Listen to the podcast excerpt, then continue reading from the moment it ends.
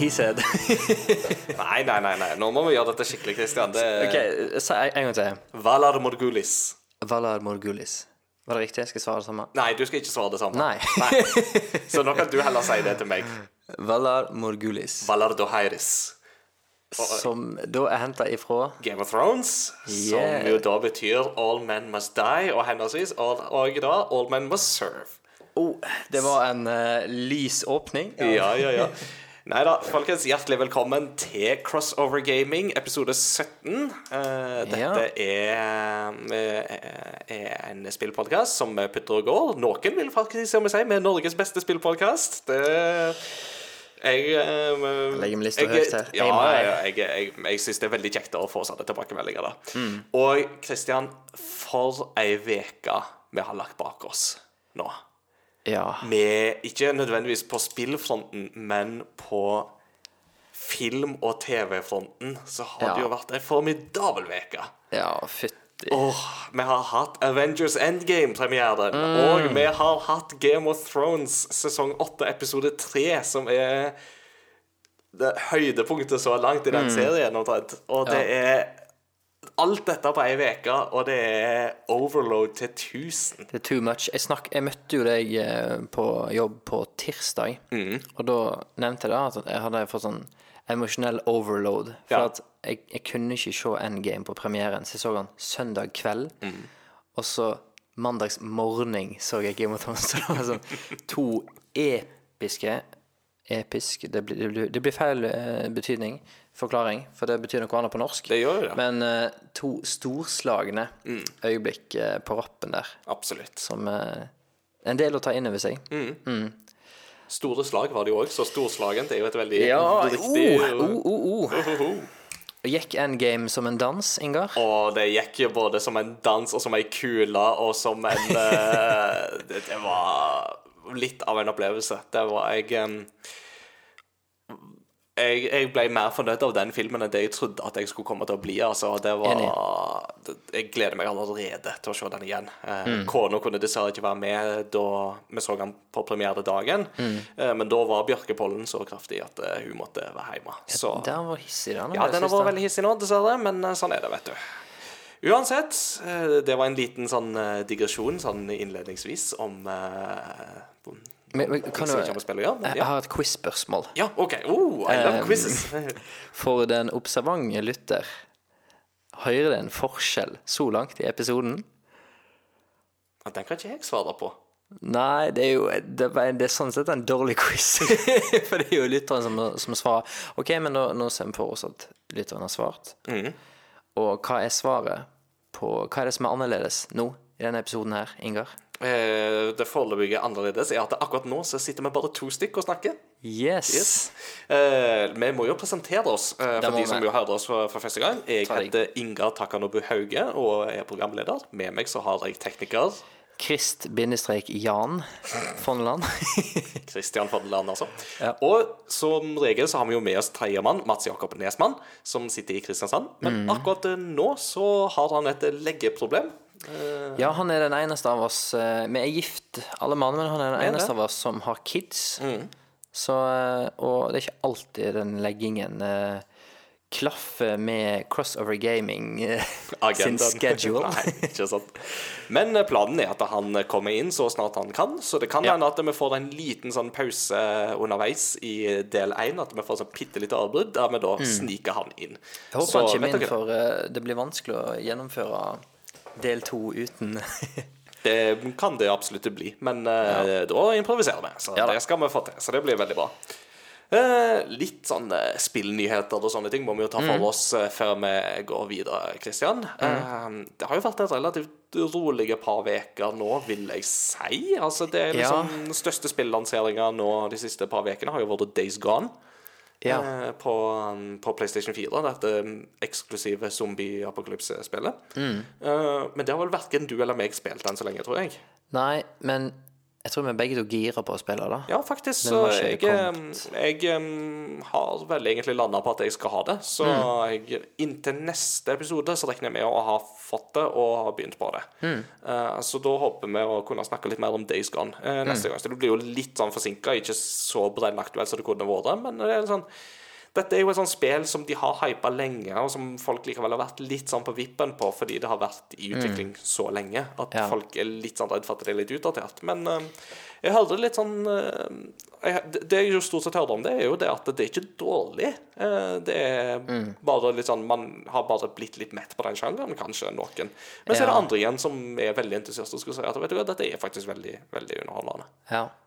Det er, jeg lurer på om det er en utvikling Jeg tror jeg har hørt at det spillet har slitt med en del sånne tekniske problemer under utvikling. Ehm, kanskje litt for store ambisjoner til dagens konsoller. For det noe av det som ser ut som er kjernemekanikken i det spillet her, er jo Zombier er jo en ting, men at du kan møte på store, store horder med zombier. Nesten som en naturkatastrofe, på en måte. Ja, ja, ja.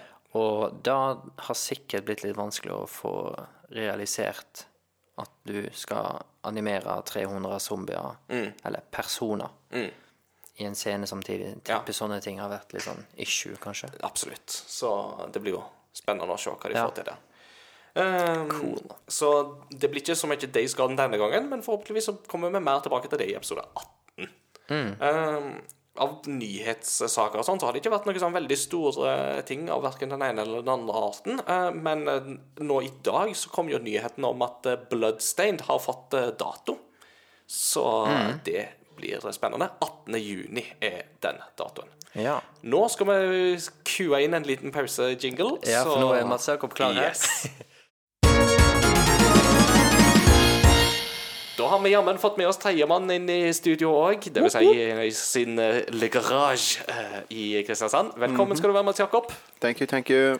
Thank you, thank you. Det småbarnspappalivet. Småbarnspappa-livet er ikke alltid like lett, altså. Nei, det er ikke det. Nei, nei, nei. Det, Hvordan eh, fikk du han til å sove til slutt, han minstemann, eller? Han sover ikke. Han sover på barne-TV med bestefar. Bestefar kom til utsetning. Det er greit når bestefar er eh, nabo. Det er det. Nei, bestefar er på besøk. Oh, Ja. det er jo Han- vel, heldig heller. Veldig heldig. Han bestefar som er tømrer, så han bygger gjerde. Ja. Veldig greit. Stilig, stilig. Du, eh, før vi fortsetter på nyhetssegmentet, så har jo jeg og Christian bare gjort litt sånn Æh! over Game of Thrones og Avengers Endgame. Har du sett noen av delene? Nei. Skru av, skru av. skru av OK. Du er bannlyst! Du er det svakeste ledd. Adjø. Adjø. Nei, eh, jeg har prøvd å gå og se Avengers fem dager, eh, men eh, det har liksom bare ikke gått. Nei, det er sånt som skjer. det har vært litt Så- eh, kjipt. Og Game of Thrones, der datt jeg i sesong tre. Ja, OK. Da er du jo langt bak. Så. Ja, ja, så det Men, men. Eh, vi var ellers midt i et lite nyhetssegment, så jeg tenkte jeg skulle bare fortsette med det. Stas.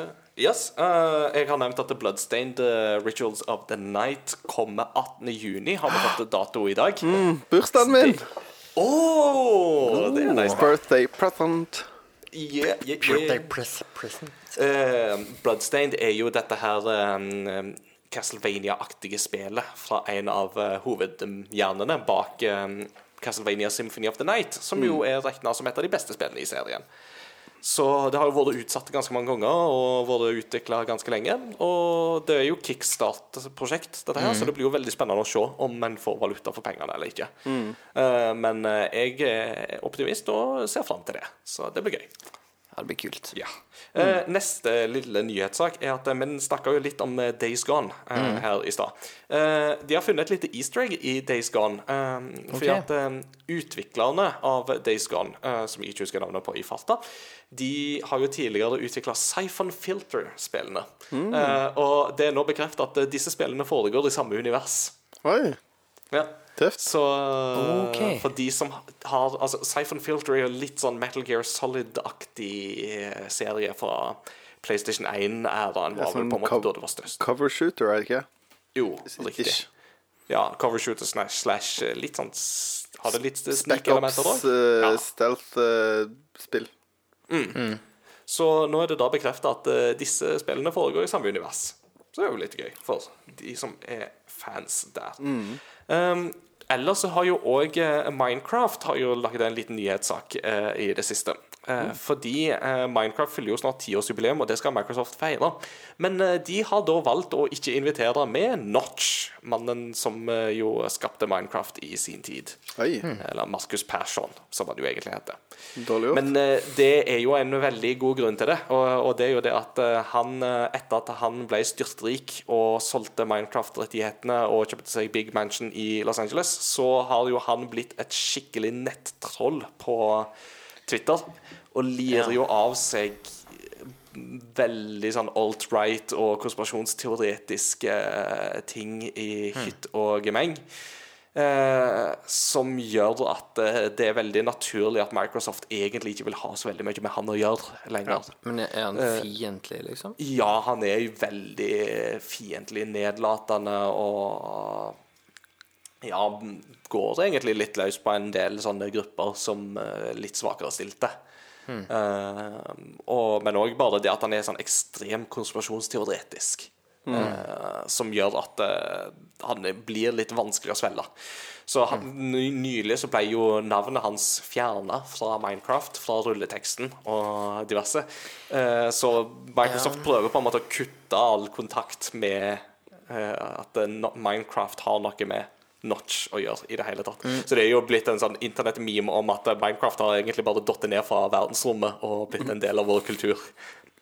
En, en liten kommentar til akkurat det der. Mm. Eh, nå har bare sagt at jeg, jeg har ikke satt meg inn i den saken der, og hva han har gjort, og hva han ikke har gjort, men det er rykter at han har gjort. Men, men hvis det er tilfellet. Men eh, akkurat nå så så jeg liksom en, en parallell til det som skjedde med James Gunn, han heter. Mm. Regissøren bak Guardians of the Galaxy.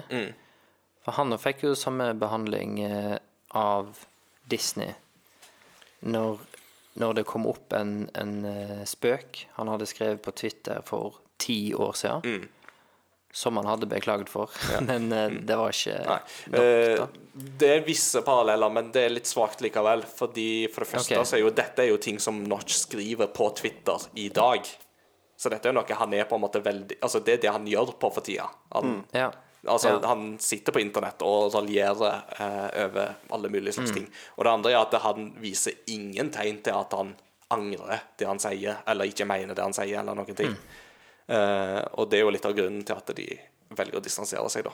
Eh, Det er litt kjedelig, da, hvis eh, det har gått ting har gått litt for til Men altså, pengene har gått litt til hodet på han, rett og slett. Det, Ja, kanskje. Ja, men jeg syns liksom Det er på en måte helt streit at de distanserer seg fullstendig fra han som person. Men jeg syns det er litt rart å fjerne på en måte navnet hans sitt fra rulleteksten. Det er jo han som har lagd spillet. på en måte, eller sånn Ja, den er litt sånn På den ene sida så er det jo riktig, og på den andre sida så er jo Minecraft er jo et kollektivt fenomen òg? Ja, så det jo, ja, ja. altså, de som lager Minecraft, det er jo brukerne langt på vei, ikke sant? Ja, Men det at, det- det at navnet hans ikke står på, fjerner jo ikke det faktum at han lagde det. Nei, det gjør det jo ikke. Nei. Så, Så det det er jo bare sånn sånn der kan, eh, Dytte Ja. st- Studio Ja. teppet, liksom. Ja, så er det, er jo en litt sånn rar ting å gjøre. Det, det er det jo absolutt. Mm. Men uh, at de ikke vil invitere han på tiårsfesten, det kan jeg langt, ja, den Det er eh, liksom langt lettere å forstå, på en måte. Ja. Det er det jo. Så der uh, har dere det. Uh, ikke gå på internett og troll, folkens. Hver greie. Det er dagens Da blir du ikke invitert. Nei, ikke sant. Eh, neste lille nyhetssak er at Rocket League er kjøpt opp. Eh, og Psygnosis, studioet bak Rocket League, de er kjøpt opp av Epic Games. Ja, stemmer. Så der, ja. Så der, eh, Det er jo litt sånn spennende å se, men de har egentlig lova at eh, Rocket League skal få forbli på Steam, og det er ikke noe mm. Folk som har det på Steam, skal ikke lide noe nød eller noe sånt. Eh, så Rocket League. Battle Royale. yes. Rocket League tok jo en enorm sjanse Altså en risk når de lanserte spillet, for de lanserte spillet i PlayStation Plus. Så det vil si at de lanserte spillet gratis, i hermetegn, for, eh, for alt vi vet. De fikk jo sikkert en deal på det her, da. Men eh, tror kanskje det var riktig gjort, for de fikk jo en Det var vel en av de første PlayStation Plus-spillene på PS4 ever, tror jeg. Ja, iallfall som tok av sånn. Ja, så det, det sa jo pang, og så har de jo solgt mer enn nok i ettertid for å veie opp for at de ga det vekk. Tilsynelatende gratis. Det er, en er gratis det er jo en risk å ta. Det er det. Men er det Psygnosis som har lagd eh, Rocket League? Psyonix. Psyonix, eh, Psygnosis, Ja, det er jo et eldre selskap, det. For Ja, de de lagde jo PC-spill til Amiga og sånn, så jeg begynte Ja, å lure på om ja, de liksom fremdeles holdt det gående og var relevante i dag. For jeg Det var fett da, hvis det var deg, men eh, ja, det, det var mitt lille eh, det, det, det var sånn Ikke at jeg har det, men det var mitt lille snev av dysenletriker, eh, som det heter i Pondus. Det er ikke lett å være dysenletriker. Så yes. Siste lille nyhetssak som jeg har notert meg, er at Blizzard eh, dropper å dra på Gamescon. Uh, der har de jo vært uh, hvert år. Det er jo den store spillmessa som foregår i, uh, i august, er det vel Gamescon pleier å gå? August-september-ish. Eh, men, eh, og der har Blizzard ofte vært eh, til stede, men i år så vel, sier de at eh, de dropper det til fordel for å på en måte konsentrere seg om arbeid med mm, prosjekter og sånt som de holder på med. Så der har du det. Er det en trend at eh, store selskaper trekker seg fra store konferanser? Eh, med E3 så har jo det vært en til, et tilfelle. Der har jo mm, alle mm, de tre store har jo egentlig gått ut eh, fra E3-konferansen i år, så det blir jo kjempespennende å se hvordan det Ja, går. Har Microsoft Men, Microsoft har ikke, tror jeg. Microsoft er fortsatt med. Er Microsoft fortsatt med? De har Ja, fremdeles konferanse på E3. Ja, ja, eller det var Ja. et, okay. Jeg hadde ikke Det, hørt at de hadde litt trukket seg. greia, på en måte. Ja. Men, uh, Men akkurat Gamescon har fortsatt holdt på en litt sånn popularitet, da. Ja. Mm. Så Ja. Det er litt, litt dumt. Altså, jeg kan skjønne hvis det er altfor tidlig for dem, men de hadde jo en fin sjanse til å få litt goodwill uh, igjen etter Diablo Immortal-fadesen.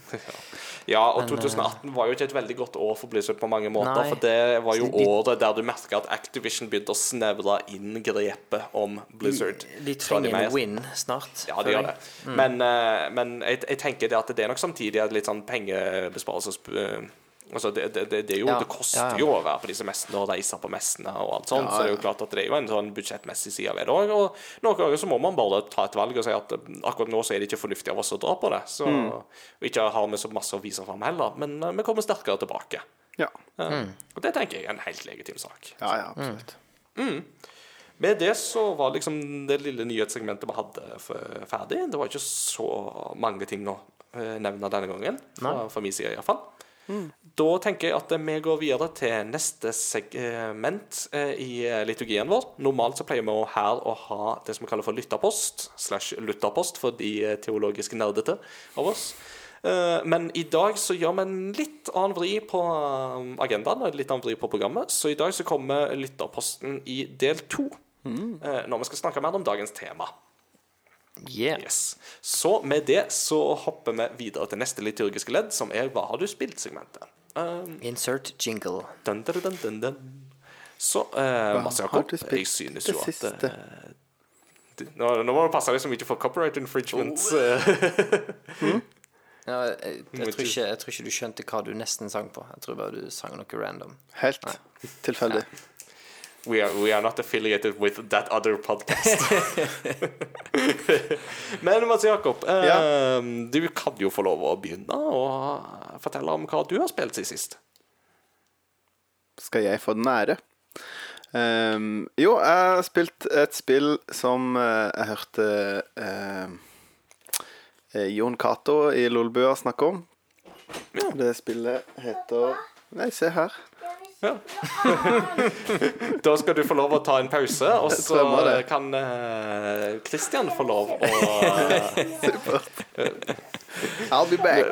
Yes, yes, yes. Småbarnspappaen fikk et lite avbrudd der, men uh, da tenker jeg at vi går til deg, Kristian, og så kan du fortelle hva du har spilt uh, siden sist. Det er bra at vi viser at vi er litt sånn familie... Med den glad- familievennlige lune spillpodkasten Ja. som uh, Ja. Ehm, hva jeg har spilt siden sist? Ja. um, jeg har uh, et eviggående prosjekt som jeg har lova å ikke snakke så masse mer om. Eh, som jeg snart er ferdig med alle disse her Main Quest-sidelinene Ja. i, ehm, Ida, tipp. Hva spillet er snakker snakk om? Nei, For nye lyttere så må jeg da informere om at da snakker vi om Assassin's Creed Odyssey. Ja. Og jeg, jeg Som, som gamer så, så har jeg kanskje en tendens til å eh, Spill som jeg er veldig glad i, og jeg kommer meg veldig inn i, Det gjennomfører jeg alltid. Men, men jeg har for mange spill som jeg aldri gjennomførte. Så jeg har lyst til å, å snu litt på den trenden, så derfor så holder jeg det på en måte tritt og holder det gående med Odyssey. da Veldig veldig glad i det, men jeg kunne ha begynt å spille til andre ting. Men sats på å bli ferdig med det i helga, og så har jeg kjøpt og lasta ned Resident Evil 2-remixen til min nye gaming-stasjonære PC. Så da Jeg har ordna meg litt fri lørdag kveld Nice. og del av søndag, så da Nice. Har du, har du testa det på PlayStation allerede? Nei, eller? jeg går uh, pure in. You're in for a treat. Det er så bra. Ja, jeg gleder meg. Oh, nice. Og så har jeg eh, fortsatt på eh, Sekiro. ja. Men uh, der er jeg nok litt sånn som deg, Ingar, at uh, jeg, jeg, jeg må ha dem i, i små økter, da. Eller øktene mine er kanskje på en sånn halvannen til to timer. Og så, er jeg på en måte, så blir jeg sliten av, oi, av det adrenalinet som er i kroppen. Eventuelt sinne som er i kroppen. så jeg må, jeg må Da må jeg ta meg en pause og gjøre noe annet. Så jeg vet kanskje Jeg tror at jeg er kanskje en sånn 60-70 gjennom spillet. Ja, det er såpass, ja. Ja, jeg kom et godt stykke. Ja. Um, og det er jo fortsatt et kjempebra spill. Det, det er da From Software-spillet jeg liker best til nå, personlig, da. Nice. Ehm, og så har jeg Jeg forhåndskjøpte faktisk, og lasta ned når det kom. Eh, det er nokså hermetegn gamle spillet. Altså det er jo et spill fra forrige generasjon. Et Capcom-spill som er Som da er et japansk selskap, men som prøvde å seg på en vestlig RPG. Ja. Så hva du da kaller den sjangeren der, det er jeg litt usikker på. JVRPG. Vestlig JRPG. ja. Og det er jo da Dragons Dogma. Ja. Dark Arisen, som det heter. Riktig. Eh, der, der har du jo bare spoileren på at det er en JRPG, med at det heter Dark Arisen. Ja. og eh, det er ja, Da har jeg jo ikke spilt så, så langt ennå, for, jeg- for jeg prøver egentlig å gjøre ferdig Odyssey og Sekiro. Men eh, Men eh, foreløpig veldig kult spill. Altså kler switchen veldig, veldig bra. Eh, og spennende kamper. Magi er veldig kul i combat. Veldig flashy og stilig. Eh, og spillet har en sånn her litt sånn Shadow of the Colossus-mekanikk at du kan på større skapninger så kan du, har du en gripeknapp. Å, Så du kan starte klatring, da. Det er kult. Så eh, ganske tidlig i spillet, i en slags tutorial, så kommer det en Cyclops, ganske høy og svær, og angriper en sånn liten sånn landsby som du er i. Og da er det mest effektive måten det kommer deg bak han, ta tak, hoppe, ta tak i beinet, og så begynne å klatre oppover. Ja. Så det er ganske, det er ganske stilig, stilig combat. Um, og spillet har en veldig sånn kul online-funksjon ved at du, du spiller ikke med andre spillere, men alle, alle spillere lager sin egen karakter, og så lager de en pawn, som er på en måte som er en, en bikarakter, som ikke du styrer, men som du styrer inventoryet til og, og eh, level up mekanikkene og alt sånt, men som, som er en del i ditt party. Og så kan du online eh, laste ned andre folk sine pawns okay. og bygge deg et party på fire. Eh, samt, og samtidig så kan jo da andre laste ned din pawn. Ja. Og da når, eh, Så det som kan skje når du logger deg inn på spillet, så må du reste, og da oppdaterer pornen din seg. Og da kan du få eh, opp at eh, ja, nå har din porn vært sammen med den og den spilleren, gjort disse disse oppdragene, henta så og så masse experience, den og den inventory-greiene, og ble rata sånn og sånn av den spilleren. Det er jo litt kult, da. Så, så selv om du ikke spiller, så får du på en måte litt progresjon, og, og din opplevelse av spillet liksom lever litt videre, selv om du ikke sitter og spiller sjøl. Så det er, veldig, det er veldig kul online-mekanikk som jeg har, tror ikke jeg har sett det i noen andre spill siden. Og Dragons Dogma-serien har skulle komme med et online-spill. Jeg er usikker på om det er kommet. Vet du det? Nei, altså, det er jo en serie, eller jeg vet ikke hva vi kaller det en serie. Det er vel bare Nei, det er egentlig bare ett spill, og Ja. Dark Arisen er på en måte en Det er ikke en expansion, men det er på en måte en, en fiksa versjon. da Litt sånn som Final Fantasy 14 har. En Realm Reborn-versjon. Men uh, ja, så foreløpig så tror jeg bare det er det eneste spillet i serien. Men uh, pretty cool. Men det var jo egentlig til forrige generasjon på 360 og PlayStation 3 og PC. Ja, det kom jo sånn rundt 2009-10 Ja.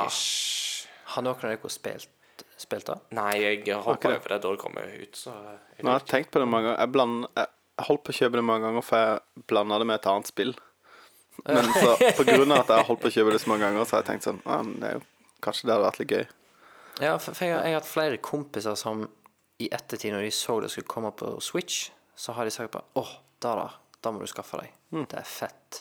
Altså, Jeg har en kompis som har drevet og sendt YouTube-filmer av anmeldere som mener at hvorfor det her er et must, uh, must buy-spill. Mm. Men uh, ja, så Kult. Ja, artig så langt. Mm, det blir sikkert mer snakk om det neste episode. nice. Takk til deg, Kristian. Da. Mats Jakob, da tar vi take two på deg. Uten barn. Eh, Denne gangen uten barn. Eh, Ja. Så da lurer vi på hva har du spilt siden sist? Jeg har uh, spilt uh, Jo, jeg, som jeg snakka om, jeg kjøpte et spill som uh, jeg hørte Jon Cato snakke om i Lolbua. Eh, og det er et spill som heter Baba Is You. Har dere hørt om det? Baba is you, ja. ja. Ja. Det har jeg hørt masse godt om. Det er noe av det gøyeste jeg har spilt på lenge, altså. Det er, det er et uh, puslespill som er basert på at eh, alle reglene for puzzlet står som tekst i, i spillet, og så kan du flytte rundt på ordene. Så spillet heter Baba is you, fordi at eh, i hvert bane så står det f.eks. Baba is you. Altså du styrer karakteren Baba, så står det f.eks. Uh, wall is stop, så betyr det da kan du ikke gå gjennom vegger. Door is lock, eller key is open. Og så bruker du nøkkelen, så kan du dytte nøkkelen, men du kan også manipulere eh, omgivelsene dine med å skrive andre setninger. Eh, og du kan også skrive 'Baba is you', og så kan du skrive neste vei så kan du skrive 'Rock is you'. Sånn at du styrer både Baba og en stein. Og da kan du Så det er utrolig kreativt. Og ekstremt mange kreative løsninger på hvordan du gjør det. Det er vel sånn òg at Baba er vel en hund? egentlig? Ja, Er en liten hvit ja. sånn hund-katt. Det er litt sånn, Grafikken kan minne litt om den der Ja, men det, husker, det het den der forferdelige internettfenomenet som var sånn der eh, katt som rei på en regnbue og hadde en sånn grusom sang. Husker du det? Ja, Ja, ja. Han ser ut som den katten. Ja, nydelig. Det er grunn nok i seg sjøl til å Eller det minner om det, da, men det er liksom Og så er det kun tre frames med animasjon på han. Mm. og de stopper når du Det er lukka mellom å åpne bein. Og så går han sånn. Så kan han gå kjempefort. Sånn, altså når du stopper, så kan du gå ett skritt, og da er det Hæ? Ni. Hu. Hu. Det er veldig festlig. Um, Konge. Men det er helt sånn Og så er det på en måte krevende fra første øyeblikk, da. Det er ikke liksom mm. Første brett er litt sånn Å, ah, det her var lett. Du kan flytte steinene litt sånn Selda-aktig. Mm og så, eh, så hadde jeg spilt de første 15 banene, og så fikk jeg besøk av en kompis, og så spilte vi det sammen, og så begynte vi på nytt. Eh, og så merka jeg bare fra første brettet, så løste vi det forskjellig. Ja. Oi, Sånn at det første brettet er det sånn Det er på en måte en korridor, så, og så kan du flytte på steinene, og så er det liksom sånn flagg. Ofte er det et flagg du skal på en måte komme til, da, hvor det står 'flag is win'. Så flytter du på steinene, og så går du til flagget. Mens det første jeg gjorde, var jo å gå bakover, for dette var jo ikke vegger bak, så jeg gikk bare rundt. Ja. Du tok en eh, Du tok en sånn Ready Player One, eh, rett og slett, og bare kjørte baklengs. Ja, men, ja, ikke sant. men poenget er liksom Det er ikke liksom gitt at det er én måte å løse det på, da. Nei. Eh, Jeg ser, jo, jeg ser jo for meg et scenario der med at hvis du kunne hatt 'flag is win' Nei, altså hvis 'flag is win', så kan du i stedet bare bytte 'Baba is win', ja, for eksempel. for eksempel. Eller det var en bane jeg spilte hvor, hvor jeg måtte velge 'rock is win', og så måtte jeg velge at eh, 'baba is rock'. Og så var det to steiner, sånn at jeg måtte få de to steinene til å gå i hverandre. Da vant jeg. For det, ja, det er litt sånn spesielt. Så jeg spilte det. Eh, kom til jeg, Kanskje jeg kom en tredjedel ut i spillet. Eh, men absolutt verdt å plukke opp. Eh, og så eh, har jeg spilt eh, Yukalele. Yukalele. Oh, som er eh, Kickstarter du da, eller? Hæ? Kickstart, var du med å kickstarte Yukalele? Jeg var ikke det. Jeg har, jeg tror, jo, jeg tror jeg egentlig gjorde det. Også når pengene skulle bli trukket. Jeg trodde jo at jeg, jeg hadde råd til det nå. Det var før, første gang jeg prøvde kickstart, og så Altså Når Når jeg Så er det jo sånn at når, når, når det er på en måte eh, Campaignen er over, det er da pengene blir trukket.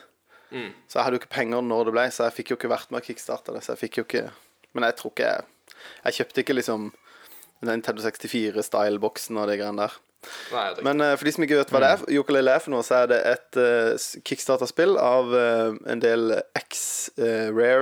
ex-Rare-ansatte, utviklere, som ville på en måte lage hva skal jeg si, Banjo Kazooie 3, da, i praksis, bare med nye karakterer. Eh, og jeg har aldri vært mm, Altså, det er veldig gøy, og så har de på en måte bomma på en del ting som gjør at det ikke er så gøy. eh, banene er altfor store. og veldig lite innhold. Ja, det er kjempe, bare masse store områder som ikke det er noe i. Og Banjo Kazooie-spillene begge to var veldig sånn kompakte på en god måte. Det var liksom mye å utforske, men allikevel så var det ikke så langt å gå. Eh, og så skal du jo samle sånn fjærpenner.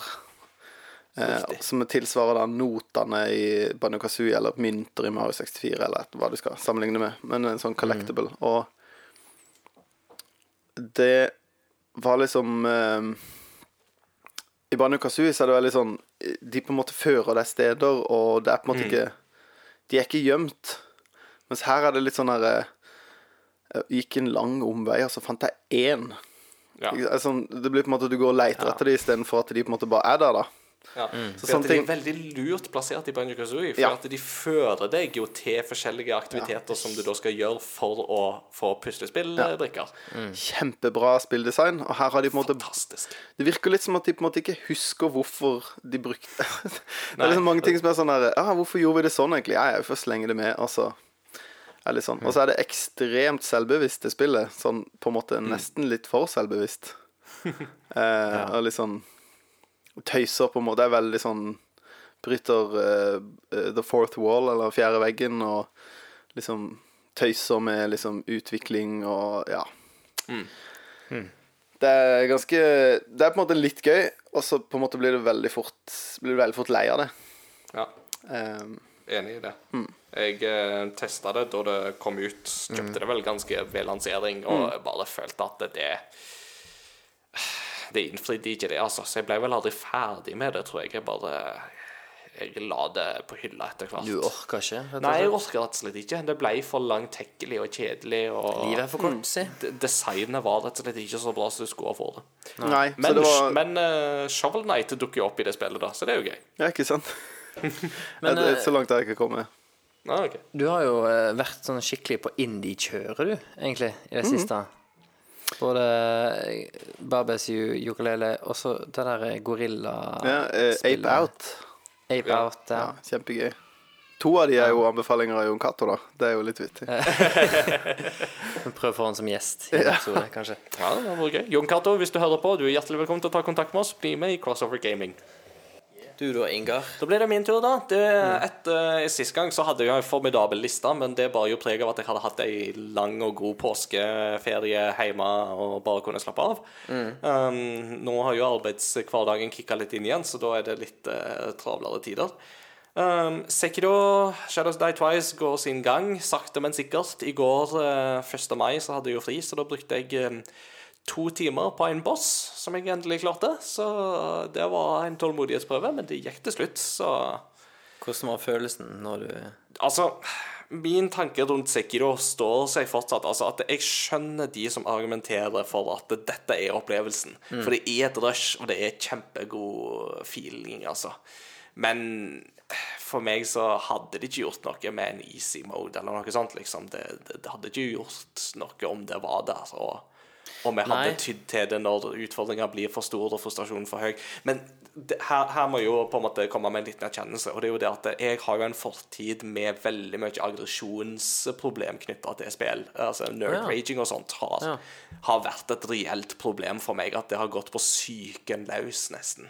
OK. Um, og det gjør jo òg at um, Det har heldigvis blitt bedre med årene. Der har jo kona blant annet vært en formidabel god hjelp på sinnemestring og det med på en måte dette med agering i møte med spill og sånne ting. Uh, men Sekiro har en tendens til å kunne bringe fram de verste sidene i meg på det området der. Uh, Ja. Jeg har aldri på en måte ødelagt hardware, så software, eh, hardware eller noen ting, liksom. Så det har liksom ikke vært så ille. Men jeg, jeg er likevel litt redd for den sida ved meg. Eh, og tenker liksom det at det kan være Av og til så hadde det vært godt å kunne skru ned vanskelighetsgraden for mitt eget beste, Ja. uh, faktisk. Men igjen, altså Skjønner. Det er en gøyal opplevelse, og det går sakte, men sikkert. Jeg håper på å bli ferdig med det spillet i løpet av året en gang. Det er liksom mitt mål. Uh, den dagen det blir for vanskelig, så får jeg legge det fra meg, og så får jeg se resten på Twitch eller YouTube. Det er liksom Og det er helt greit. Har du, har du spilt eh, Souls-serien? Souls-serien har liksom aldri kicka helt på meg. Bloodborne virker gøyere for meg, men jeg har aldri spilt Ja. det nok til at jeg på en måte kommer helt inn i det. Så dette er på en måte første gangen der et From Software-spill og jeg har på en måte resonnert, og sånn endelig så fant jeg en formel Ja. som jeg likte godt. For, for um, Jeg tenkte på det som du sa, når, noe med at liksom Å kjenne på sinnet og sånt. Mm. Og da, da skal du være litt glad for at det er Sekro du spiller, at det ikke er Souls du spiller. For Ja. Mm. det som da skjer på toppen i Souls-spillene, at du er ganske sur Ja. og bare 'Nå stanger jeg, det her får jeg ikke til', og så plutselig blir du invadert Ja. av en annen multiplayer-spiller som ikke sant. kicker assen. Ja, ikke sant? Og det er litt sånn Det er en grunn til at de spillene ikke har Ja. snakka til meg. Eh, Ja. Altså, det er sånn Jeg skjønner de som liker denne formelen veldig godt og sånt. Mm. Det, jeg forstår dere veldig godt, for når Sekiro den eh, Det rushet av seiersrus kicker inn, så er jo det kjempegøy. Mm. Uh, så, og, og det skal være plass for den typen spill. Absolutt. Ja. Det, det tenker jeg. Så Ja. ja. Um, det jeg nok har brukt litt mer tid på, det er jo da Devil May Cry HD Collection. Ja. Der har jeg spilt eh, ferdig um, Devil May Cry 3 siden sist, så Ja. blitt ferdig med det. Har ikke rukket på å begynne på Devil May Cry 4 ennå, men eh, Nei. det er rett rundt hjørnet, så Av, eh, disse tre første i serien, ja. hvordan eh, du, du rangerte de forrige gang, da hadde du bare spilt to. Ja. Eh, altså, Devil May Cry 3 er jo uten tvil det beste av de tre. Det er det jo absolutt. Altså, Der finner Devil May Cry endelig på en måte sin, sin sjel og sin identitet, kan man si, på en måte. Eh, du merker konturene av det i Devil May Cry 1, men da er budsjettet litt for lite. Eh, og det Ja. er litt sånn Det er jo litt sånn gøy, for Devil May Cry begynte jo som, en Resident Evil, som et Resident Evil-spill. Jeg lurer på om det var Stemmer. draft, altså utkastet til Resident Evil 4. Lurer jeg på om det var. Og så digg at vi fikk begge deler. Ja, og så, fikk Kamiya, eh, Hideki Kamiya fikk på en måte lisens til å gjøre det til en egen greie, og så ble det Devil May Cry i stedet. Ja. Uh, det er jo derfor du har en del sånn tank controls og sånne ting i det første Devil May Cry, som er Mm. veldig sånn arven fra Resident Evil. Uh, tida. ikke sant. Ja. uh, og Resident Evil 2, der, eh, det er jo karakterdrap på Dante. Uh, for å si det mildt. Altså, det er jo et spill der han Altså, Dante er jo egentlig en rappkjefta Devil May Cry uh, Nei, pun intended. Uh, Characteren, ikke sant? Som jo er skikkelig swave og går liksom rundt. Og så i Devil May Cry 2 så er han bare sånn whatever. Og så er han skikkelig sånn mutt og tverr og sur og sier nesten aldri noe som helst. Han er så uber-emo. Og det er Og det er sånn Det er ikke han en plass, liksom. Uh, mm. Men i Devil May Cry 3 så er jo det en, pro, altså det er jo en uh, prolog, eller det er jo en um, prequel til til alle spillene. Så det er den som er satt først i kronologien. OK. Ja. Og, og da er det mye mer på en måte Her er det på en måte inne i det som Devil May Cry kan være og skal være, med fast action, gameplay og eh, en Dante som er sinnssykt arrogant og eplekjekk, og mange gode supporting characters, en uh, god villain. Eh, og ikke minst er jo dette et spill der uh, forholdet mellom Dante og hans bror Virgil eh, er veldig sentralt. Ja. Uh, for det er første gang vi blir på en måte skikkelig introdusert for han. Vi møter, altså, vi møter han så vidt i einen, uh, og så treffer vi han enda mer og blir enda mer kjent med han i treen. Så det er en sånn gøyal ting, da. Kult. Mm. Så det er det jeg har brukt mest tid på. Satser på å få begynt på Devil May Cry 4 eh, nå ganske snart. Og så har jeg spilt eh, litt kjapt en anmeldelse som kom ut i dag, på Ja. torsdag, eh, av et norsk indiespill som heter Venture Kid. Stemmer. Ja. Venture Kid er da en eh, Den beste måten å si det på, det er at dette er en Megaman-klone. Eh, Det, det spilles og ser helt likt ut som Megamann-spillene på eh, Nes, Mm. altså Nintendo 8-bit. Så det er en sånn hommage til det, og prøver å gjøre det på en måte litt til sitt eget, men eh, arven er veldig tydelig hele veien. Mm. Det er jo litt av sjarmen med spillet, men det er jo òg dets største svakhet, dessverre. Ja, det blir For automatisk med- Ja, det har litt for mange likhetstrekk, både med liksom Mm. fonter og figurer og gameplay og oppsett og alt. Eh, Og mangler på en måte sin egen art til å bli noe mer enn det. Uh, sånn som vi har sett med indiespill de siste årene. Shovel Knight, Owlboy, Celeste, eh, Iconoclast, uh, Bloodstained Curse of the Moon. Eh, alle de er jo spill som har tatt på en måte den indi... al- Altså tatt arven fra gammel gaming og så gjort det til en egen, egen ting. Videreutvikla det til å bli noe større. Eh, og det elementet mangler dessverre litt i Venture Kid, altså. Eh, men det er litt gøy, for det er jo et norsk indiespill. Eh, du kan spille hele spillet på norsk. Eh, du kan Oi. sette menyene til norsk og sånt, så det er veldig stilig. Kult. Eh, kom ut på Steam i fjor, og så kom det ut på Switch nå. Eh, Hva, hvem, er disse her som lager det? Uh, dette debutspillet deres, de heter Snikkerbo AS. Snikkerbo Ja. AS er viktig. Kapoa, hoppfallera og Hoppfallere hoppfallere. Nei, det, så det var et um, artig lite prosjekt å liksom plukke opp, som jeg hadde tid til. Uh, Anmeldelsene ligger ute på Game Rector. Uh, så det var sånn De skal ha for forsøket. Det er ikke dårlig. By, by, by Nei, all means. nei. Det er ikke dårlig. Det mangler bare den lille ekstra uh, for å bli bra. Det lover kanskje godt for et eventuelt neste spill. Det får vi håpe. Ja. Uh, Megaman 2 ikke... var jo den beste Megamannen, så det. Nei, nei, nei, Megaman 3 var den beste. Nei, må du slutte å tulle. Nei, nei, nei, jeg tuller ikke. Uff. Let's agree to disagree. Yes. Uh, jeg vil bare òg pitche litt en artikkel som jeg har skrevet for Game Reactor, som uh, var litt gøy å jobbe med. Eh, Ja. Og det er at vi har begynt med en ny artikkelserie som heter Søt spillmusikk. Ja. Eh, som da ikke har noe med at musikken i seg sjøl må være søt, men det er et forsøk på et pønn. Eh, men det er rett og slett en artikkelserie der vi tar for oss uh, Fokuserer på musikken i eh, et spill eller en spillserie.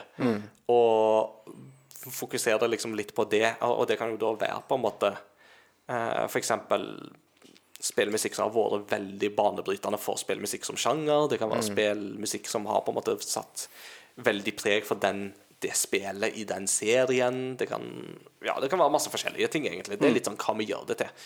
Eh, og i den første artikkelen i den serien så har jeg skrevet litt om uh, spillmusikken i Final Fantasy 6. Eh, Ja, som jo jo, tusen takk. Jeg fant ut at når jeg først skulle begynne, så kunne jeg jo like gjerne begynne med The Top of the, top of the Best. Eh, og da var det liksom Begynne med Nobuo Uematsu, som jo er liksom the John Williams of uh, video game music. uh, helten over alle helter. Og det jeg personlig mener er det beste helhetlige soundtracket han har laga, nemlig Final Fantasy 6. Eh, Terras theme, er det derifra? Det kommer derifra, og det er et av de temaene som vi skriver om. Eh, litt sånn Du-du-du-du. For å ta en sånn liten tidbit der, da, for eksempel, så er jo det stykket jo skrevet i moll. eh, og, det som er litt sånn interessant, når du skriver et stykke i moll, så er det jo Normalen da er jo da at eh, dominantakkorden, altså den femte akkorden, går jo da i dur. Eh, det gjør den ikke her. Den går i moll, den òg.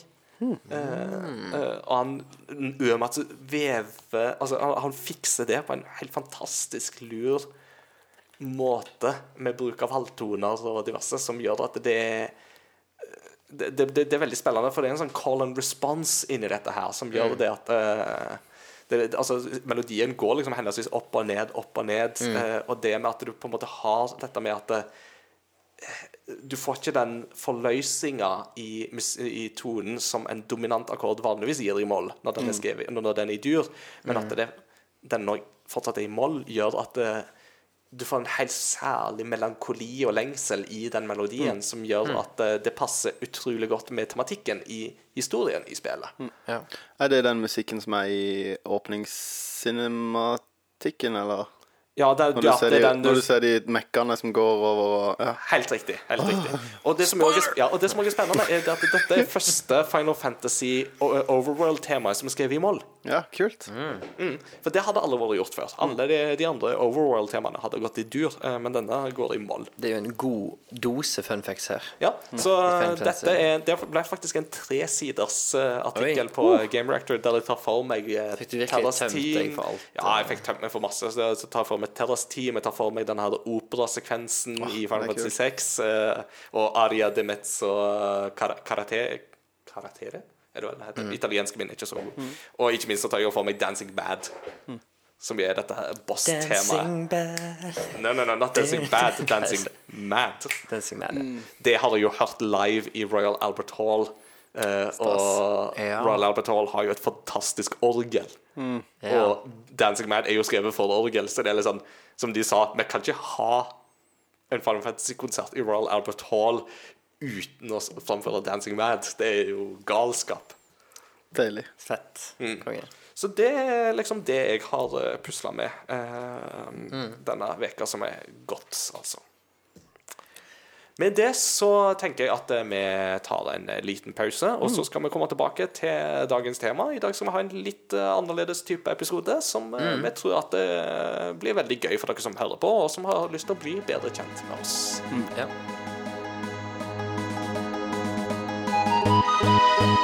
Da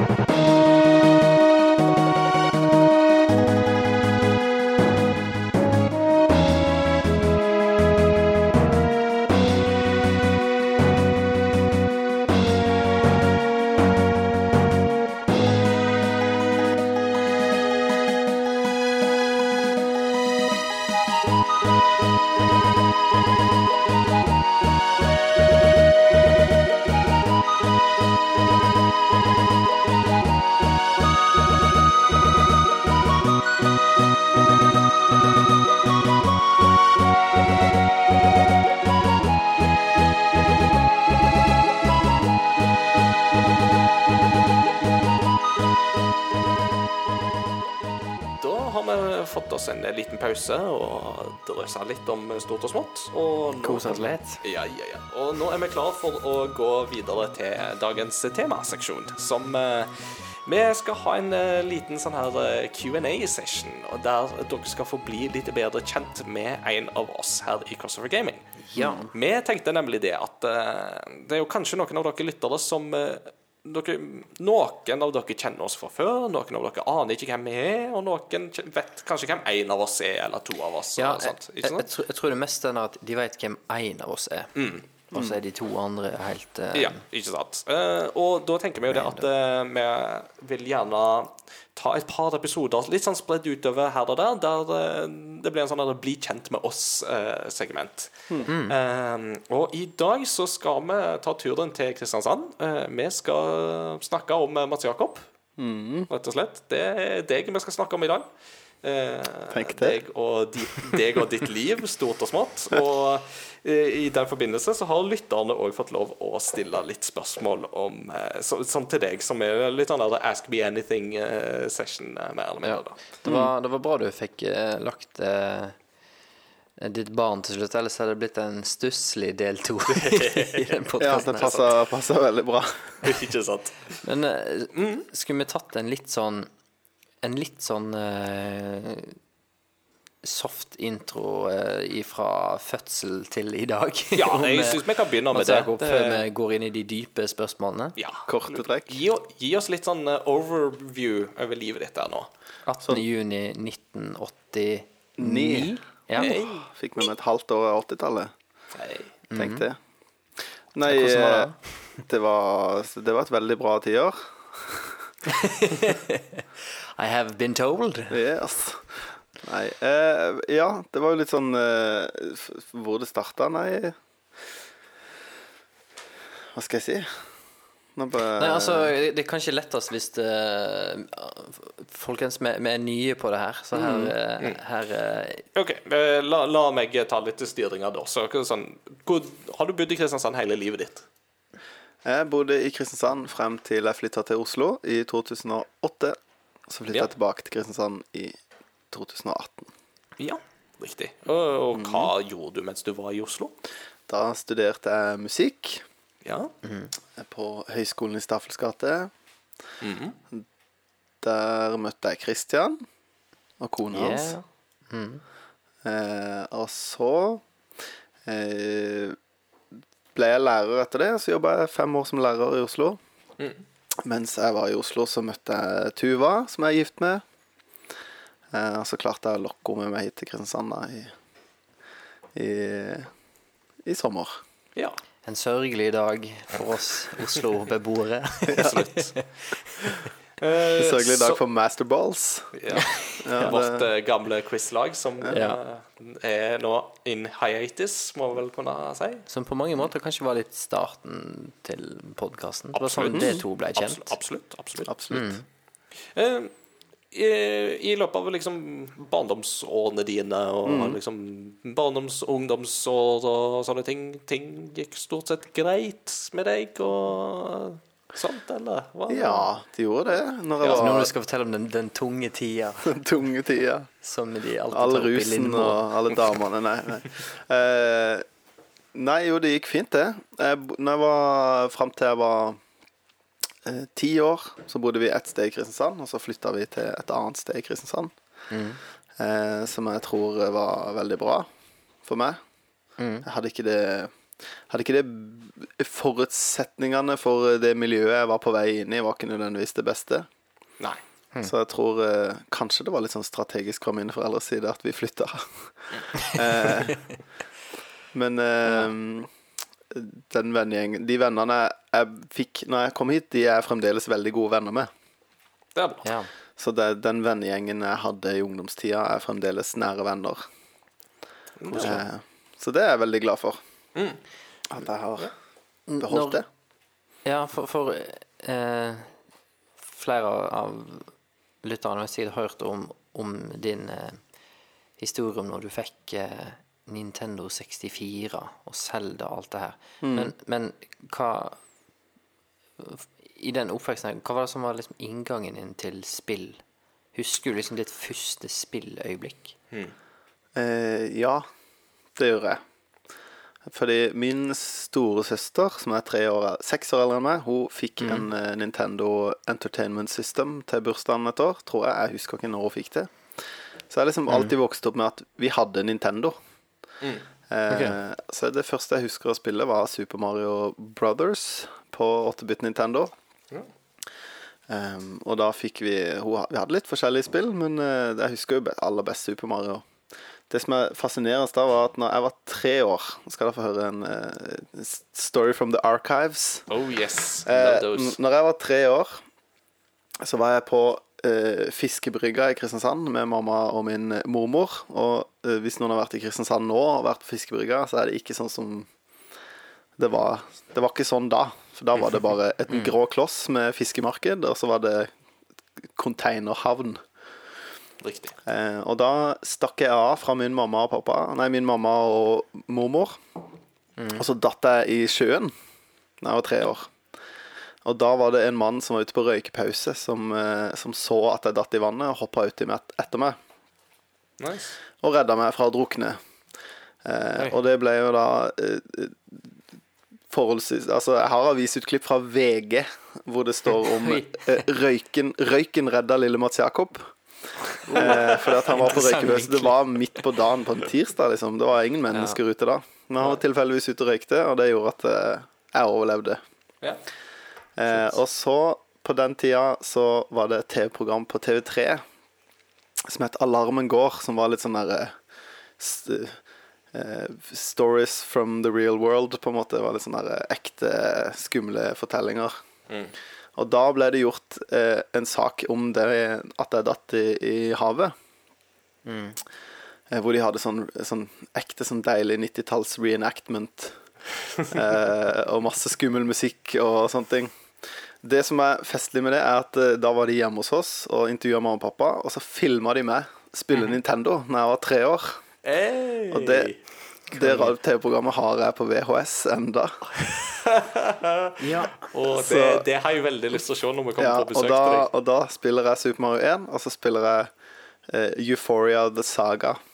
Ja, fa- her kommer en sånn, et oppfølgingsspørsmål til den historien her. For den, den, eh, den har vi snakket om en del, og, og jeg husker at du fortalte meg at du i voksen alder husker at du hadde et NES-spill når du var liten, som du likte kjempegodt, men du husker ikke nok til å liksom, klare å google deg fram til hva spill det var.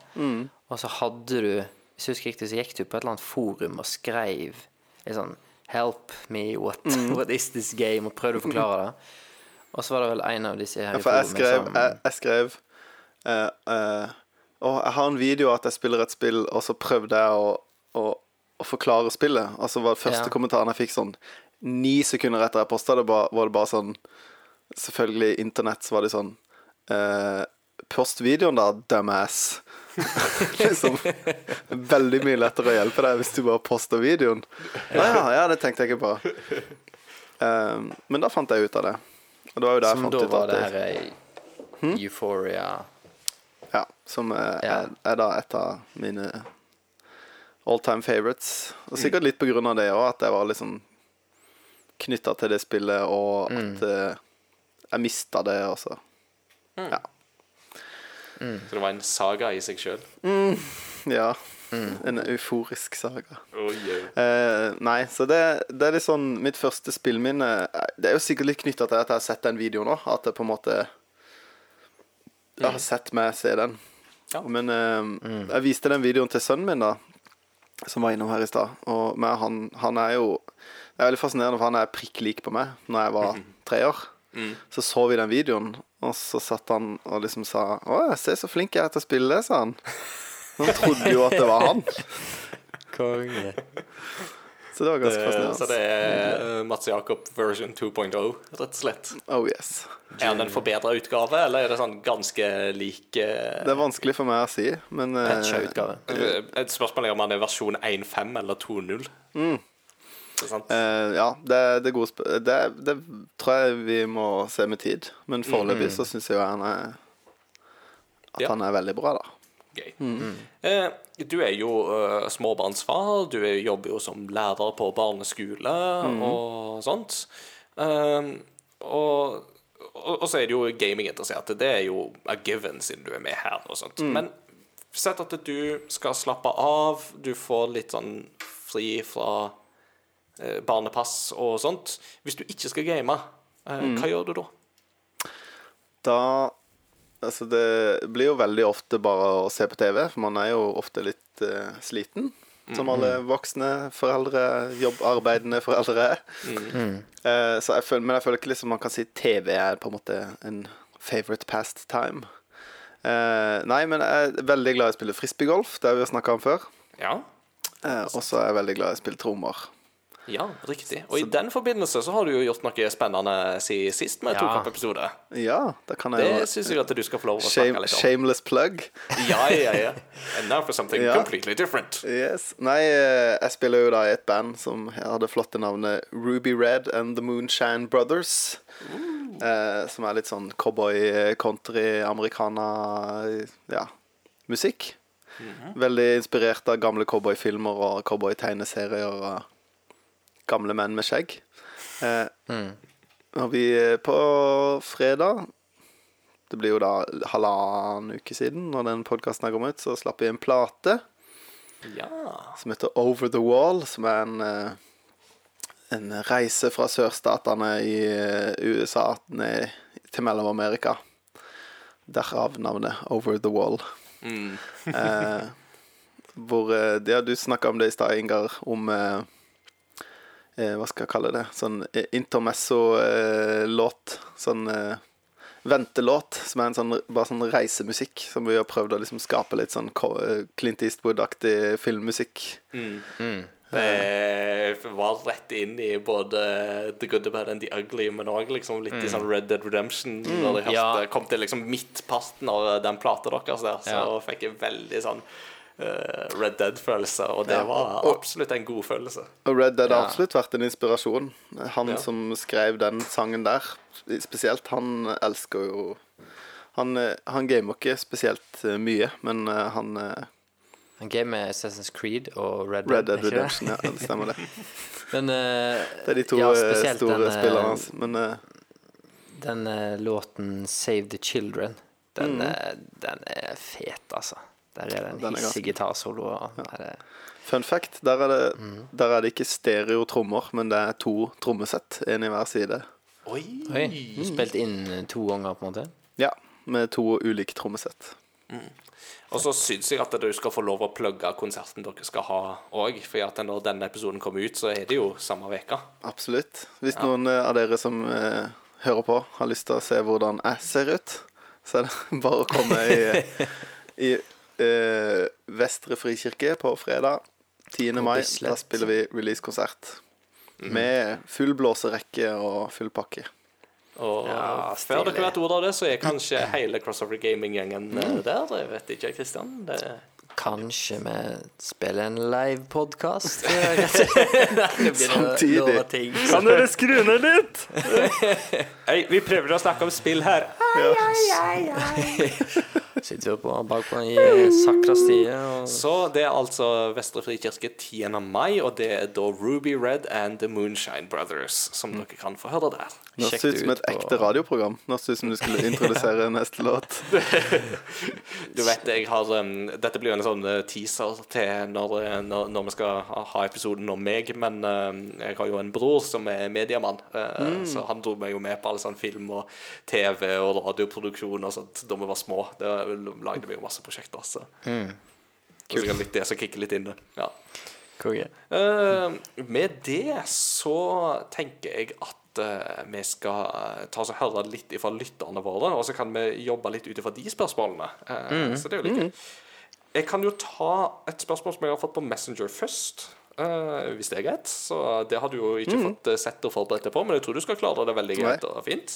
Ja. Er det Kjetil? Uh, og det er da Det er Kjetil Austad Endal. eh, vår trofaste lytter, som lurer litt på Han er interessert i å høre mer om din interesse for retrogaming. Og lurer da spesifikt på Er den mest basert på nostalgi, eller mest fordi gamle spill faktisk er bedre? Og er det noe de gamle spillene har som de nye har mista? Godt spørsmål, det kan jeg gjerne svare på. Eh, Kødda, kødda. Ja, Quisling. Eh, statskupp over radioen. Eh, nei, eh, jo. Retrogaming starta med nostalgi. Jeg har en, eh, en kompis som er skyld i at jeg har så mange spill som jeg har i dag. Det er en eh, som heter Thomas Jones. Eller bedre kjent som eh, eh, JNS. Eh, en, han er også rapper Ja vel, ja. og produsent. Eh, Han er veldig, veldig flink. Det var han som, eh, som jeg studerte med, og han Plutselig så kom jeg hjem til han i dag, og så hadde han en svær flyttekasse med Sega. Og så hadde han kjøpt seg en 8-bit Nintendo, og så var han liksom ah, det er så fett. Og jeg bare Ja, dette er fett. og så Men eh, For han måtte liksom kjøpe alt han hadde hatt da han var liten, på nytt. Men jeg hadde jo på en måte spart på alt. Så når jeg flytta til Oslo, så tok jeg med meg Nesten jeg tok med 64-en og GameCuben og Wii-en og, og liksom Jeg hadde på en måte det oppe i hybelen min. Og da liksom bare Ja, men jeg har jo disse maskinene. Så begynte jeg å gå på loppemarkeder i Oslo og fant litt forskjellige ting, da. Nå er det jo ikke så lett å finne de tingene lenger eh, i, ute, men eh, det var litt mer tid til Ja, men eh, det, det er ikke ofte jeg kommer over et Super Nintendo-spill eh, på et loppemarked i Oslo. Man finner jo noen ting. Ja. Du var jo litt jeg, heldig. Jeg, jeg var veldig heldig. Jeg fant jo en del nå på lørdag, og da var, det var mange ting der som jeg ikke kjøpte òg. Du fant både en PlayStation 1 og en PlayStation 3, og det var en annen kar som fant seg et Super Nintendo der, faktisk. Ja, kult. Så, ja, så man kan være heldig av og til, altså, på loppemarked. Men uh, min erfaring var at jeg fant, min, jeg fant mindre og mindre eldre ting. Jeg fant Ja. plutselig mer og mer PlayStation 2, og plutselig Xbox 360. Altså, ja. Men eh, jo, så det er liksom Nostalgi er liksom grunnen til at jeg begynte med det. Og eh, grunnen til at jeg fortsatte med det, er jo fordi at det, det var jo så ekstremt mange bra spill som jeg aldri spilte da jeg var liten. Jeg hadde jo ikke Altså Det var jo sånn De spillene du hadde, og de spillene vennene dine hadde, det var de spillene du visste om. Eh, og så plutselig så sto det For meg så var det veldig sånn Jeg fulgte ikke så mye med på sånne ting. Så liksom plutselig sto det en ny Nintendo-maskin i hylla på lekebutikken. Hey. Så var det sånn Oi, stas! Den ønsker jeg meg til jul. Og så var det ni måneder til jul. Sånn. eh, men det jeg syns at retrospill har, som moderne ik spill ikke har, da, og som vi snakka om i det siste Jeg har spilt mye indiespill i det siste, og det er- indiespillerne har liksom fanga den, men det er litt den eh, Her er et spill, spill. Det er ikke så mye de, Ofte så har de litt enklere mekanikker. Eller mekanikker som du Det er liksom meninga at du skal liksom oppdage det litt sjøl. Det er på en måte Prøv deg litt fram. Det er, Ja. det er greit å dø med en gang. Eh, og for eksempel Jeg synes jo det beste eksempelet er jo første brettet på Super Mario Bros 1 på 8-bit Nintendo. Mm, det er genialt design. Ja, den banen, det, det tenkte, tenker man jo ikke over før man på en måte blir nesten fortalt det, men at hele den banedesignen er jo De satt og lurte på hvordan kan vi lære folk å spille dette spillet, for på den tida så var jo det en helt ny type spill, med liksom eh, side-scrolling platformer, som det heter så fint på engelsk. Siderullende pl Plattform. plattformspill. eh, men åssen kan vi lære de å spille spillet uten å forklare de det? Med at liksom, ja, du møter en fiende. Du kan hoppe over han, og du kan hoppe på han. Ja, du kan hoppe opp i ting. Altså, du lærer å spille Mario ved å spille første banen. Når du har spilt den, så har du lært alt du trenger å lære for å spille hele spillet. En litt sånn gøy ting i den forbindelse òg, er jo det at det åpningsbildet Når du ser Mario der helt til å begynne med, så står jo han helt til venstre på skjermen. Og har ansiktet vendt mot høyre. Og så begynner du Og så kan du jo da type styre han på en måte mot venstre, men da på en måte vil du ikke komme noen vei. Men så vil du da styre han mot høyre, og da padorerer bildet gradvis til at Mario står mer i midten av bildet. Eh, mer enn Mens åpningsbildet er liksom det at han står til venstre. Nederst til venstre på skjermen, og da skjønner du veldig intuitivt at han skal mot høyre. Mm. Uh, og så Så det er en måte å fortelle det på. Bare småting som det er bare helt genialt. Ja. Og så det som, ja, det som fascinerer meg, er begrensningene da, de hadde. At de kunne lage så utrolig innholdsrike, utfordrende, gøye spill med de begrensningene de hadde. Og ikke minst hvor mye fantastisk musikk de klarte å lage med tre lydkilder. Mm. Altså, bare ta uh, månetemaet fra Ducktales, for eksempel. Det er jo uh, Altså, det er jo en komposisjonskunst, Det er jo det greiene der, altså. Ja. Så det er det som uh, jeg syns moderne spill på en måte har mista litt, da. Men det er jo også har jo sine grunner, men det trenger vi kanskje ikke gå så mye inn på. Kristian, du ville si noe? Nei, jeg tenkte vi, vi Vi har flere som har stilt gode spørsmål her. Så jeg tror vi må ha litt Det er flere av disse her vi trenger litt tid på. Ja. Um, uh, da kan vi jo eksempel ta Sveinung Sødal. Han har jo skrevet tre spørsmål her. Eh, viktigste først. Har du noen tips til hvordan man kan få like tett skjeggvekst som deg? Ja, tips til det? det, det, mitt tips er la det gro, og la det gro. La det gro La til det det blir sånn. La det gro! Nei, men uh, hva skal jeg si? Uh, man må over en smertegrense hvor det klør og klør og klør og ikke ser ut, og så kan man begynne å trimme det fint. Man trenger ikke ha så tett skjeggvekst for at det skal se fint ut. Nei. Vise ord. Ehm, neste spørsmål er fra Sveinung her. Eh, hvilken spillkonsoll mener du har den beste håndkontrollen? Oi. Hva eh, Så du skal bare på rent instinkt. Eh, Så det Den beste Det må være GameCube. Ja. Eh, Den, men jeg Ja. også syns uh, pro-kontrolleren til Switch også er veldig bra. Men GameCube-kontrollen er bare helt Den er så ergonomisk eh, digg å holde i.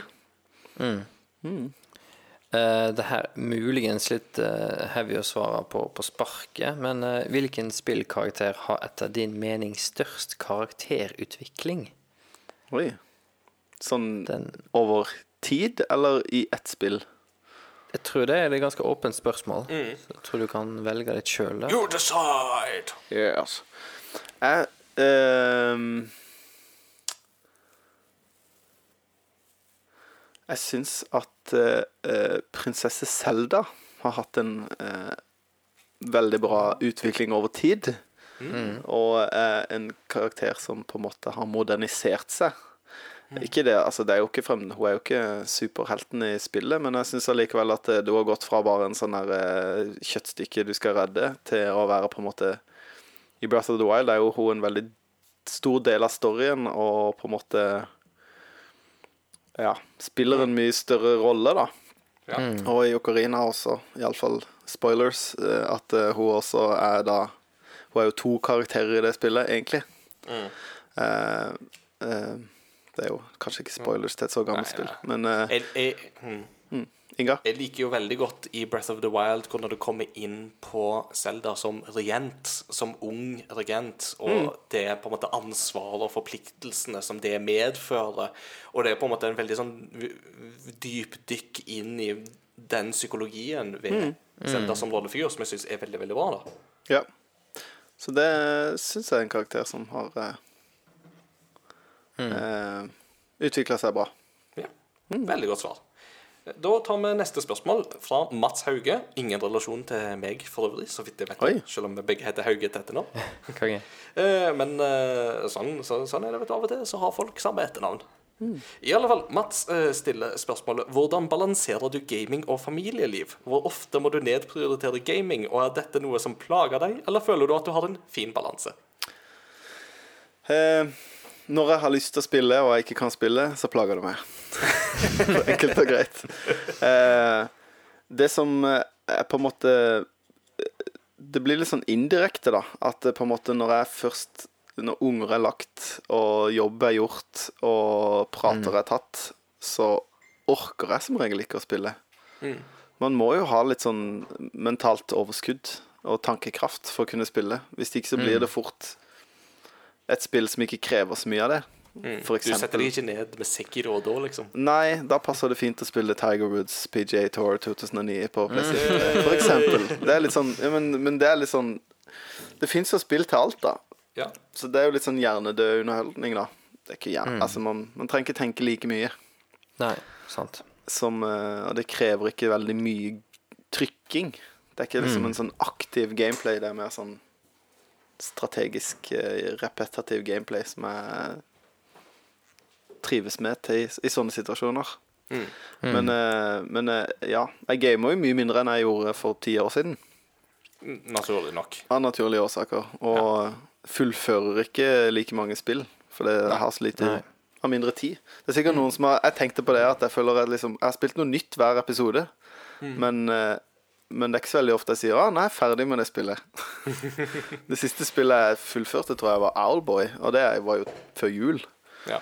Så det blir Eh, smaking på mye forskjellig. Ja. Har du, har du noen ordning med at du har da en sånn fast tid i veka, der du kan liksom si at akkurat denne tida her er dedikert til at jeg skal få lov å spille? Nei. Det, det er liksom ikke sånn eh, Det er mer vanskelig å planlegge hverdagen sånn, men, eh, men det jeg har begynt å gjøre i det siste, er at jeg har begynt å frivillig stå opp tidlig og så sitte og spille Heroes mens kidsa ser på barne-TV. ja. Vet du hva, det, det kjenner jeg meg godt igjen i. Det, jeg, jeg, jeg er jo den som står opp tidlig i helgene for Ja. eh, da å ha TV-tid for meg sjøl. Det vet jeg du òg har gjort, Kristian, at du har stått opp tidlig for å spille. Ja, jeg gjorde det spesielt uh, i starten når uh, vi var gift, for da da uh, visste jeg egentlig ikke hvor mye rom jeg kunne i hermetegn få til spilling. Men jeg fant veldig fort ut at jeg var ikke nødt til å stå så tidlig opp. men Men det er, men det er Jeg syns det er litt sånn Jeg er jo en nostalgiker av de store, da. Men jeg syns jo det er noe utrolig deilig med det å stå opp tidlig om morgenen og spille. Jeg liker det bedre egentlig enn å spille på, seint på kvelden. Ja, da er jeg litt sånn her morratrøtt mens du spiller, måte. Ja, en kopp kaffe og brødskive, og så bare liksom være litt sånn Åh, nå skal jeg på en måte Nå skal jeg slappe av. Jeg gleder meg til morgen tidlig with, allerede. with, with, with MJs in his PJs. and, Yes. Sitter der i badeshortsen og spiller. Um, Åsmund har et, eh, et eh, ganske kult spørsmål her. Um, hva er dine topp fem spill gjennom tidene? Ja, jeg har gått og tenkt litt på det. Og eh, Altså, på topp er Der er Ocarina of Time. Det er på en måte liksom Det er mitt, er mitt yndlingsspill. Det er et spill som uh, var kjempegøy når det kom, og eh, fremdeles er kjempegøy. Selv om jeg kan det baklengs og framlengs og eh, Men det er gøy å spille de her eh, Master Quest-versjonene, og det er liksom det er fremdeles gøy, da. Uansett eh, om jeg har spilt det mange ganger. Så det er liksom toppen, men jeg har ikke noe liksom, nummer på de neste. Men uh, uh, Euphoria The Saga, som vi har snakka om, er jo et spill som er høyt oppe. Både av nostalgiske grunner, men også at i voksen alder Livsreddende grunner. ja, ja, men også det at det, som voksen når jeg på en, måte, på en måte fikk det spillet igjen, så Ja. oppdaga at det faktisk var et veldig bra spill. At det var ikke bare Ja. liksom Å, dette Jeg husker jo også at jeg hadde Lemmings på 8-biten til nå. Det er ikke like givende i dag som det var på den tida, på en måte. Sånn at det, det er ikke gitt at et spill er kult som voksen bare fordi du spilte det som barn. da. Um, eh, ja, vet ikke. Mario 64 er veldig høyt oppe. Eh, og eh, eh, jeg tenker Det ble plutselig litt sånn på stående fot. Jeg kommer sikkert til å angre på det alt jeg sier eh, når jeg hører på det her sjøl. Vil du si at Heroes eh, 3 er en av de? Jeg, jeg vil jo si det. Akkurat iallfall ja. nå er det det. Men eh, Ja. sånn gjennom tidene det, det er jo sånn spill som har fulgt meg, da. Eh, og så Ja, men det er jo personlig, det her. ikke sant? Ja, ja, det men, jo, eh, men det er litt sånn vanskelig For det på en måte Plutselig så glemmer jeg et spill som er sånn Oi, det burde jeg ha hatt med. Men ja. Heroes 3. Og så må jeg vel nesten si Pokémon-kort. Både analogt og digitalt. ja, Eh, konge. er jo et spill, det er jo et spill som bare gir og gir. Eller tar og tar, for alt den saks skyld. Tar masse penger. Ja, hvordan Det er skrekkelig dyrt. vinkler. Ja. Dyr hobby. Mm. Um, ja. Det ble en sånn Cool. uh, kasta ut topp fem fra min side. Mm. Ja, ja, spennende. Uh, til slutt så har vi Martin Herfjord. Martin. Som Yes. eh, stiller med et tredelt spørsmål, og han skriver innledningsvis OK, MJ, du skal få svette litt. Oi, det er gøy. Yes. Spørsmål nummer én. Hvilket spill er du mest flau over å like? Mest flau over å like. oh. En guilty pleasure der, med andre ord. ja. Um, hva tenker jeg? det, det er Jeg har på en måte hatt det svaret her før. Må jeg bare kikke litt bort her. Eh, ja, virkelig. TikTok. Ja, nå ser du borti hullet di Ja. med, med fullt av flaue spill. Bare sånne flaue, flaue, flaue japanske spill. Eh, jeg vet Altså, ikke. Kan vi, kan vi Du, du har ikke sånn spill sånn som Inger har i den uh, Wii U-samlingen sin. Så hva var det Mats Jakob å skaffa for deg? Jeg har jo ikke bare ett, men to Barbie-spill på Wii U, liksom.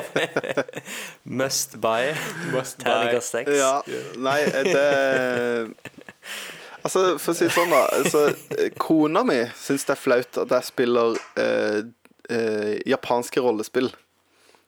Fordi Ja. at eh, For hun er det veldig sånn stigmatiserende Eller det er veldig stigmatisert og veldig tabu, og med litt sånn anime-jenter, da. Nå spiller ikke jeg så veldig mye sånn ekstreme anime-jente JRPG-spill, men liksom Har du spilt Xenoblade Chronicles 2, er jo spørsmålet der. For det er jo definitivt et spill som er flaut å spille Ja, nei, nei, jeg har spilt Xenoblade Chronicles 1. Men jo, jeg spilte det foran kona mi, og da syns hun at den voice-actinga var så ekstremt flau. Eh, I eneren eller toen? I eneren. Hun syns at eh, Så det ble uvant. Nei, men hun syns det var litt sånn der eh, At det var liksom sånn Det var så ekstrem innlevelse på en litt sånn kunstig måte. Litt sånn der Yeah! Great shot! Og når de sier sånn Når de har sånne Ja. soundbites som de sier, som er sånne eh, kleine. Men eh, jeg tror kanskje det spillet som jeg liker best, som jeg syns er flauest å like, det er eh, Mickey Speedway USA på Nintendo 64. Som er et spill for Altså, det er en kart racer som egentlig er veldig bra, men det er så utrolig pinlig å spille det, for det er sånn der Ha-ha! Great job, Donald! Og bare sånne Disney-lyder som er sånn irriterende og litt sånn der Jeg sitter og liksom cringer sjøl når jeg spiller det, men det er en bra kartracer, da. Ja. Jeg, f- jeg fikk en eh, jeg må, jeg må bare si det høyt nå mens jeg fikk den ideen, når vi snakker om Barbie-spill.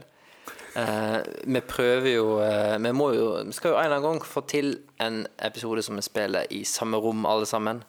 Og da har jo jeg en sånn svak drøm om at vi da òg skal streame et eller annet. Det har ikke jeg sagt til deg ennå, men det fins ingenting bedre enn å streame Barbie. Er ikke sånn ridespill, er ikke det det? Jo, jeg tror det ene av de er på sånn ridspill. Jeg det tror det er andre ikke er sånn der Puppy ridespill, ja. Rescue eller noe sånt. Vi må jo streame det.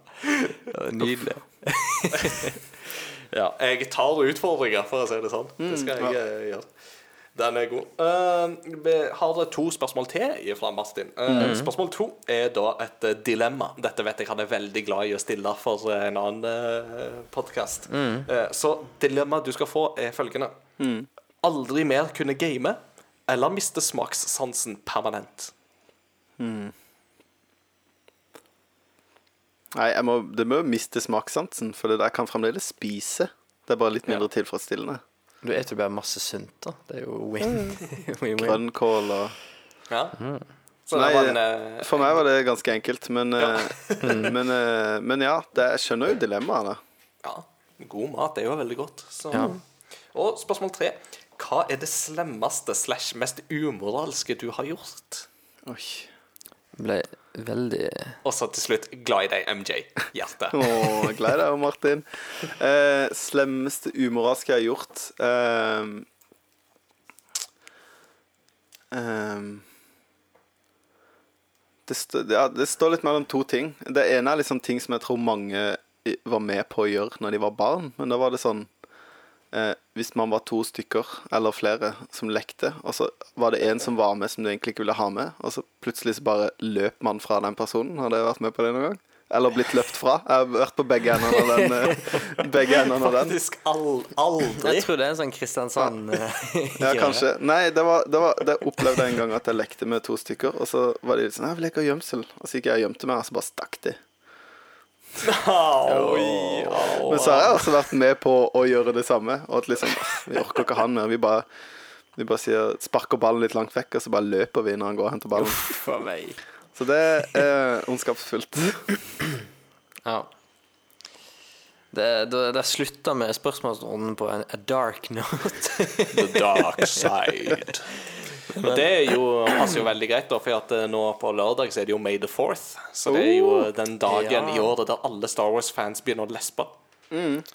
the, tror- og da hilser hverandre med 'May the 4th be with you'. Men du vet, nok, eh, dagen etterpå kommer jo Revenge of the Fifth. Ja.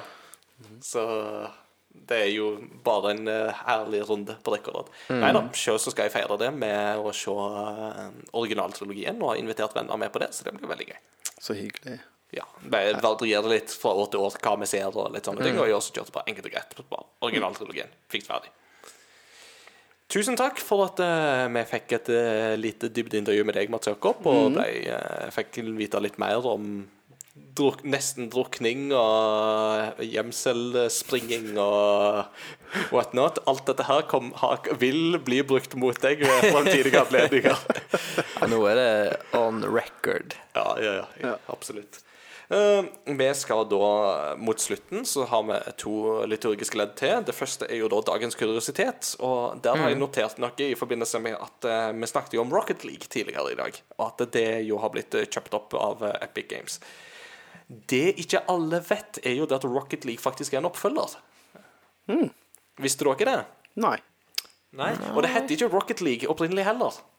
Eh, fordi Rocket League er da oppfølgeren til spillet Supersonic Acrobatic Rocket Powered Battle Cars. Oh ja, såpass, ja. Og oppfølgeren skulle egentlig enkelt og greit hete Supersonic Acrobatic Rocket Powered Battle Cars 2.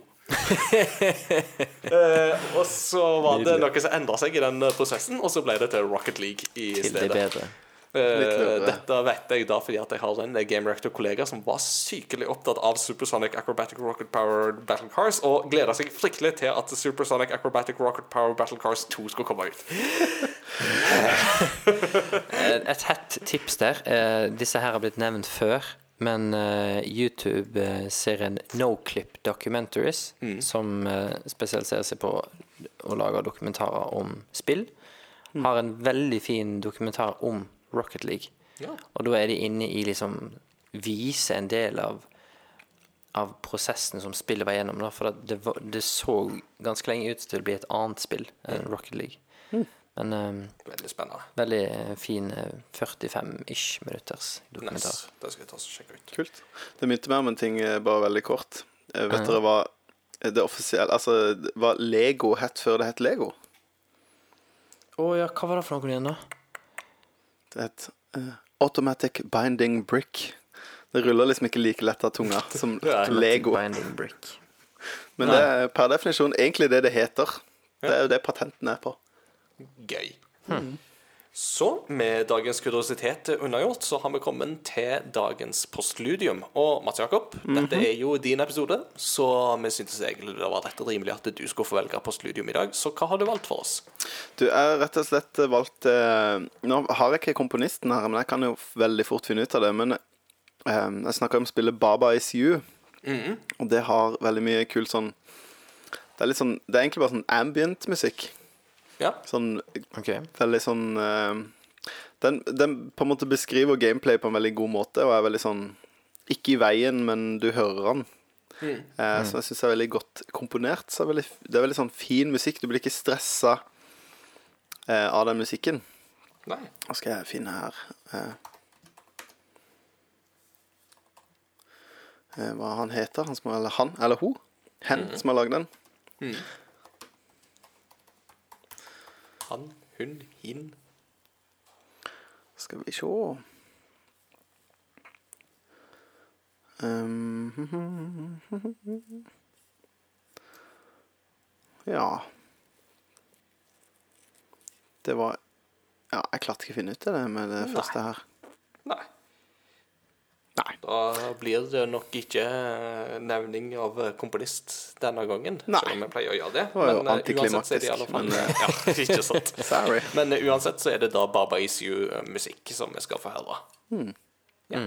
Spennende. Jeg gleder meg til å høre allerede. Jeg er veldig nysgjerrig på det spillet, så jeg håper jeg kan få sjekka det ut før året er omme. Sjekk det ut. Ja. Få det kjekt.